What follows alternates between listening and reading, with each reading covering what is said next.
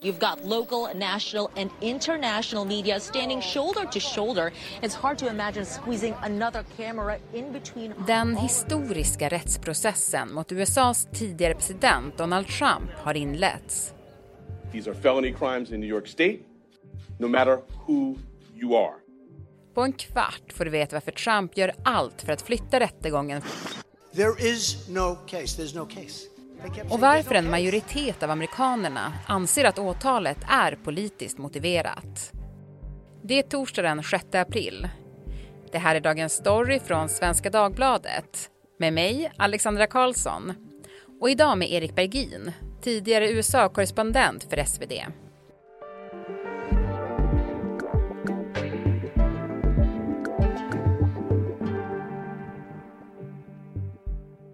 Ja men du Erik, det blev ett åtal mot Trump.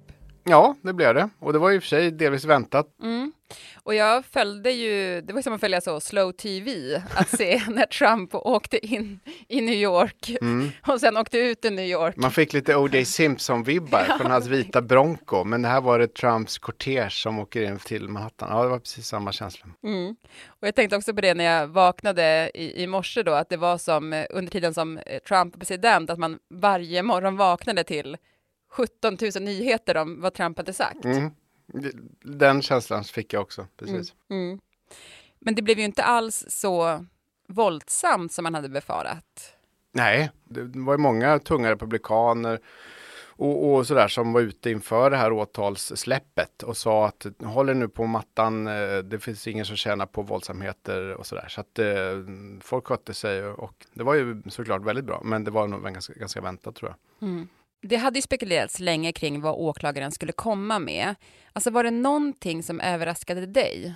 Ja, egentligen så det som jag tycker är överraskande eh, är ju att det är inget särskilt tungt åtal jämfört med mycket annat som man skulle kunna potentiellt sett å- åtala Donald Trump för och och som kanske kommer senare också. Men det här är ju 34 stycken bokföringsbrott och det är egentligen inte något särskilt allvarligt eh, brott. Det kallas misdemeanor eh, på amerikansk rättsspråk. Liksom. Men Sen blir det allvarligare därför att åklagaren gör gällande då att eh, de här 34 bokföringsbrotten har begåtts för att dölja andra potentiellt sett allvarligare brott och som åklagare, åklagaren inte åtalar för. Men åklagaren som jag förstår det har ju ändå valt att klassa brottet som grovt. Mm. Varför? Det beror på att eh, de här, eh, alltså mörkläggningen i det hela, mörkläggningen av potentiellt sett allvarligare brott. Och vi, exakt vilka det är vet vi inte för det har eh, Bragg, åklagaren, inte gått ut med. Men, men det är det som gör att de här bokföringsbrotten eh, brotten uppgraderas och blir så kallade felonies och, då det, det är ett tyngre, gr- mer allvarligt brott då. Men varför går han inte ut med det?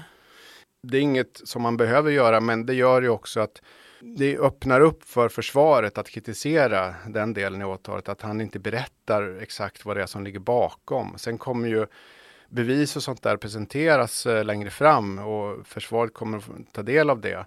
Och då kanske det kommer fram mer exakt hur den här juridiska teorin som, som åtalet bygger på. Men än så länge så är det en del frågetecken kring det där. Mm.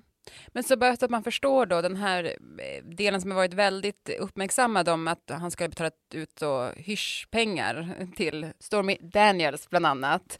Eh, Ja, han, han har gjort det. Det är ingen, varken Trump eller Daniels förnekar ju det. Så det, har- det har ju skett. Alltså bokföringsbrotten handlar ju om att eh, Trump, alltså hans företag, Trump Organization, eh, ersatte Trumps advokat, eh, dåvarande advokat Michael Cohen, för det här utlägget på 130 000 dollar till Storm Daniels. Eh, som, och den utbetalningen gjordes ju precis strax före valet 2016.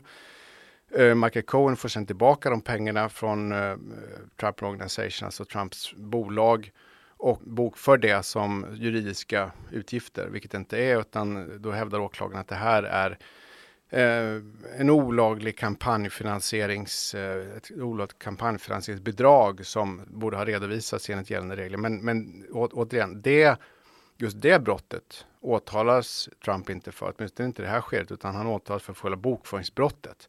Men i och med att bokföringsbrottet kom till för att dölja det här potentiellt sett allvarliga brottet så blir det eh, också uppgraderat till en högre nivå så att säga. Mm, okej, jag tror jag är med. Ja, men det är, det är inte helt eh, enkelt och det här är ju juridiska teorier som, som han, eh, Bragg då, åklagaren, testar i det här fallet. Och, och, det var många som sa det i tisdags också på kvällen efter det här preciserat. Det, det är inte alls omöjligt att om eh, åklagarmyndigheten baxar det här in i en domstol till slut, att de faktiskt förlorar. Democrat investigations of your all-time favorite president, me, is just a continuation of the most disgusting witch hunt in the history of our country. Under åren har Trump och tongivande republikaner hävdat att rättsprocesserna är en del av en politisk häxjakt iscensatt av hans politiska motståndare. Efter att ha lämnat rättssalen i New York flög Trump hem till sitt residens i Florida där han höll ett direktsänt försvarstal och gick till attack mot rättens medlemmar. For which he should be prosecuted or at a minimum he should resign. I centrum för kritiken står åklagaren Elvin Bragg en jurist och demokratisk politiker som under sin kandidatur till distriktsåklagare lovade att hålla Trump ansvarig för sina handlingar. I'm prepared to go where the facts take me once I see them uh, and hold them accountable. Jag själv har haft svårt att riktigt förstå hur den här processen går till. Alltså att åklagare, som man ju tänker, i alla fall i Sverige, att det är ju liksom en, en väldigt objektiv person som ska liksom eh, jobba för lagen och så vidare. Mm. Att man här då, eh, i det här fallet, eh, det är alltså ett val där mm. man kandiderar för att bli åklagare. Just det, och inte bara åklagare. Om man åker runt i en amerikansk valkampanj så kan man se folk som försöker bli valda till sheriff till exempel, eller domare i en delstatlig domstol. Eh, det är inte alla som tillsätts med, genom allmänna val. En del är ju appointed kallas det, att man utses till det jobbet. Men, men ofta är det val, mm. som, så det stämmer.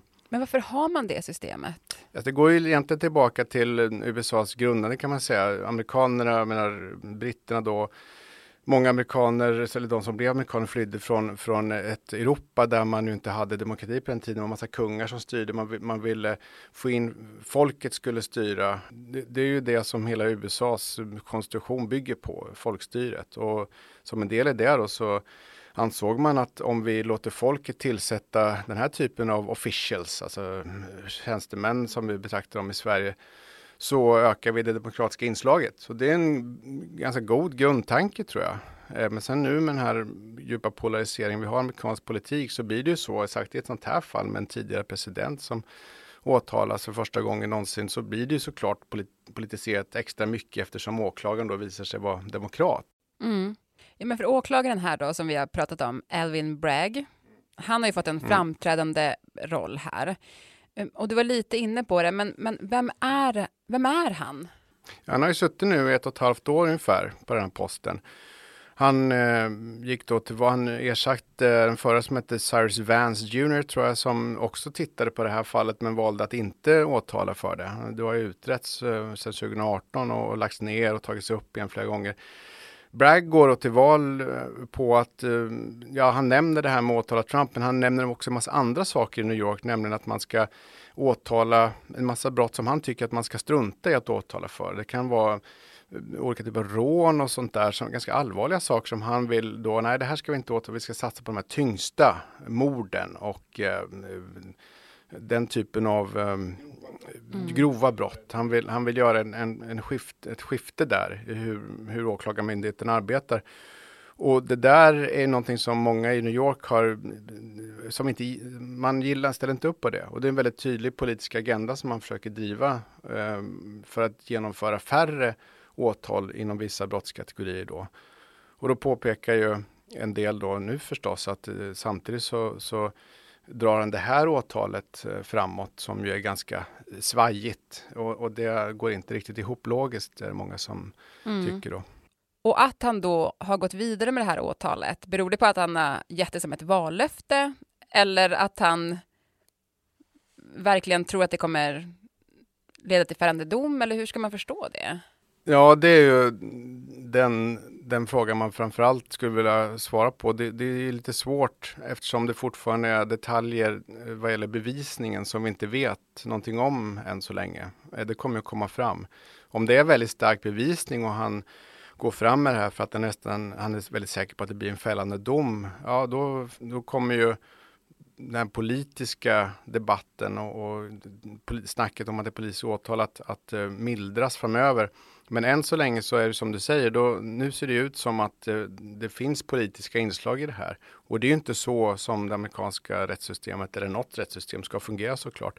Så det gör att han öppnar har öppnat upp för kritik mot sig. Jag, jag tror kanske att om det kommer fram de här detaljerna om bevisningen och dessutom längre fram även kanske kommer fler åtal mot Donald Trump som är mer faktabaserade, så att säga, tyngre brott och så vidare, då kan det här komma att ändras. Jag tänkte på, eh, kort bara, CNN beställde en, eh, en mätning som visar då att 76 procent av amerikanerna menar att det här är ett politiskt åtal. Mm. Och jag tänker, den här sättet att välja åklagare på då, eh, Kommer det komma någon större debatt kring det, tror du, efter det här? Nej, jag tror faktiskt inte det. Ehm, I, I, de allra flesta fall, jag har ingen procentsiffra, men det måste ju handla om 90 procent eller mer, så, så blir det ju inte den här debatten, utan folk, eh, någon åtalas för att ha brutit sig in och snott, eh, snott en bil eller vad det är för Alltså de flesta, väldigt, väldigt stora majoriteten av åtal på delstatlig nivå i USA är ju inte den här typen av politiska mål. Mm. Och där funkar ju åklagarsystemet precis som du har tänkt att göra. Det vill säga att man, polisen samlar in fakta, utreder ett brott, åklagaren åtalar och sen så blir det en jury som avgör saken. Uh, och, och, utan det är ju de här specialfallen där det blir den här debatten och det här är väl kanske det mest tydliga vi har sett hittills eftersom det handlar om en tidigare president. Mm. Men 76 procent, det är ändå en väldigt hög siffra som anser att det är ett politiskt åtal. Ja, eller jag tror kanske man ska tolka det som att de tycker att det är politiskt drivet. Om det bara vore ett politiskt åtal, då skulle ju faktaunderlaget vara påhittat. Alltså mm. det, jag tror att det finns eh, bevis och det finns fakta som det här baserar sig på. Mm. Rättegången, eh, om det blir en rättegång, då, kommer hållas i New York, men Trump, Trump vill få den flyttad till Staten Island. Varför? Eh, det beror på att eh, generellt så, så bor det många republikaner där helt enkelt. Och man, när man har en, som jurysystemet funkar så har man en jury, man väljer ut en jury, det är 12 personer de rekryteras lokalt och eh, då hoppas ju Trumps försvar att genom att rekrytera dem på Staten Island istället för, för Manhattan eller Bronx eller, eller Queens eller någonstans där så eh, får han en mer eh, välvillig jury. Mm. Herregud, hur ska de ens kunna utse den där juryn? Nej, det blir ju svårt och det finns ju en potentiell möjlighet att, att det inte blir, att man tar sig runt det, att det, det finns något som kallas bench trial som där man inte har en jury och, och, och eh, i, i, vissa fall blir det också någon typ av förlikning, men i det här fallet har jag lite svårt att se att det skulle kunna bli av. Men det är också så att Trump kan ju konsten att fördröja juridiska processer kanske bättre än någon, så att det här kommer ju svårt att tänka mig att det skulle bli en, en, en eh, domstolsförhandling, huvudförhandling före valet i november 2024. Vi får väl se, men det kan mycket väl dröja till efter det. Mm. Fortsättning följer. Japp. Men du, eh, till sist, den stora eh, politiska frågan nu är väl hur de republikaner som vill utmana Trump om eh, nomineringen ska göra nu, eller? Jo, det är en väldigt stor fråga. Och eh, på en vecka, eh, lite i genomsnitt, så har Trump ökat, jag kollade alldeles nyss, 16,5 6,5 procentenhet i mätningarna om vem som då eh, kan ta det republikanska alltså partiets eh, presidentkandidatur. Så han, han leder ganska rejält där. Det gör ju att Ron DeSantis och ja, Mike Pence och alla andra som hade funderat på det eventuellt, de kommer vänta lite grann nu och, väl, välja att se vad, vad det här tar vägen någonstans. Mm. Kommer Trump att sjunka tillbaka? Kommer det fler åtal som sänker honom? Eller någonting annat. Men just nu så skulle jag säga att han är här är på täppan i, i Republikanerna mm. inför uh, primärvalen. Mm. Spännande. Mm. Får vi se vad det tar vägen. Mm, vi får göra det. Tack Erik. Ja, men tack själv.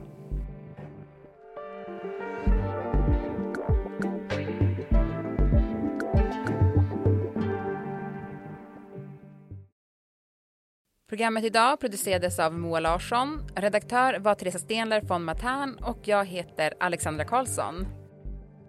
Vill du kontakta oss så mejla till dagensstory.svd.se.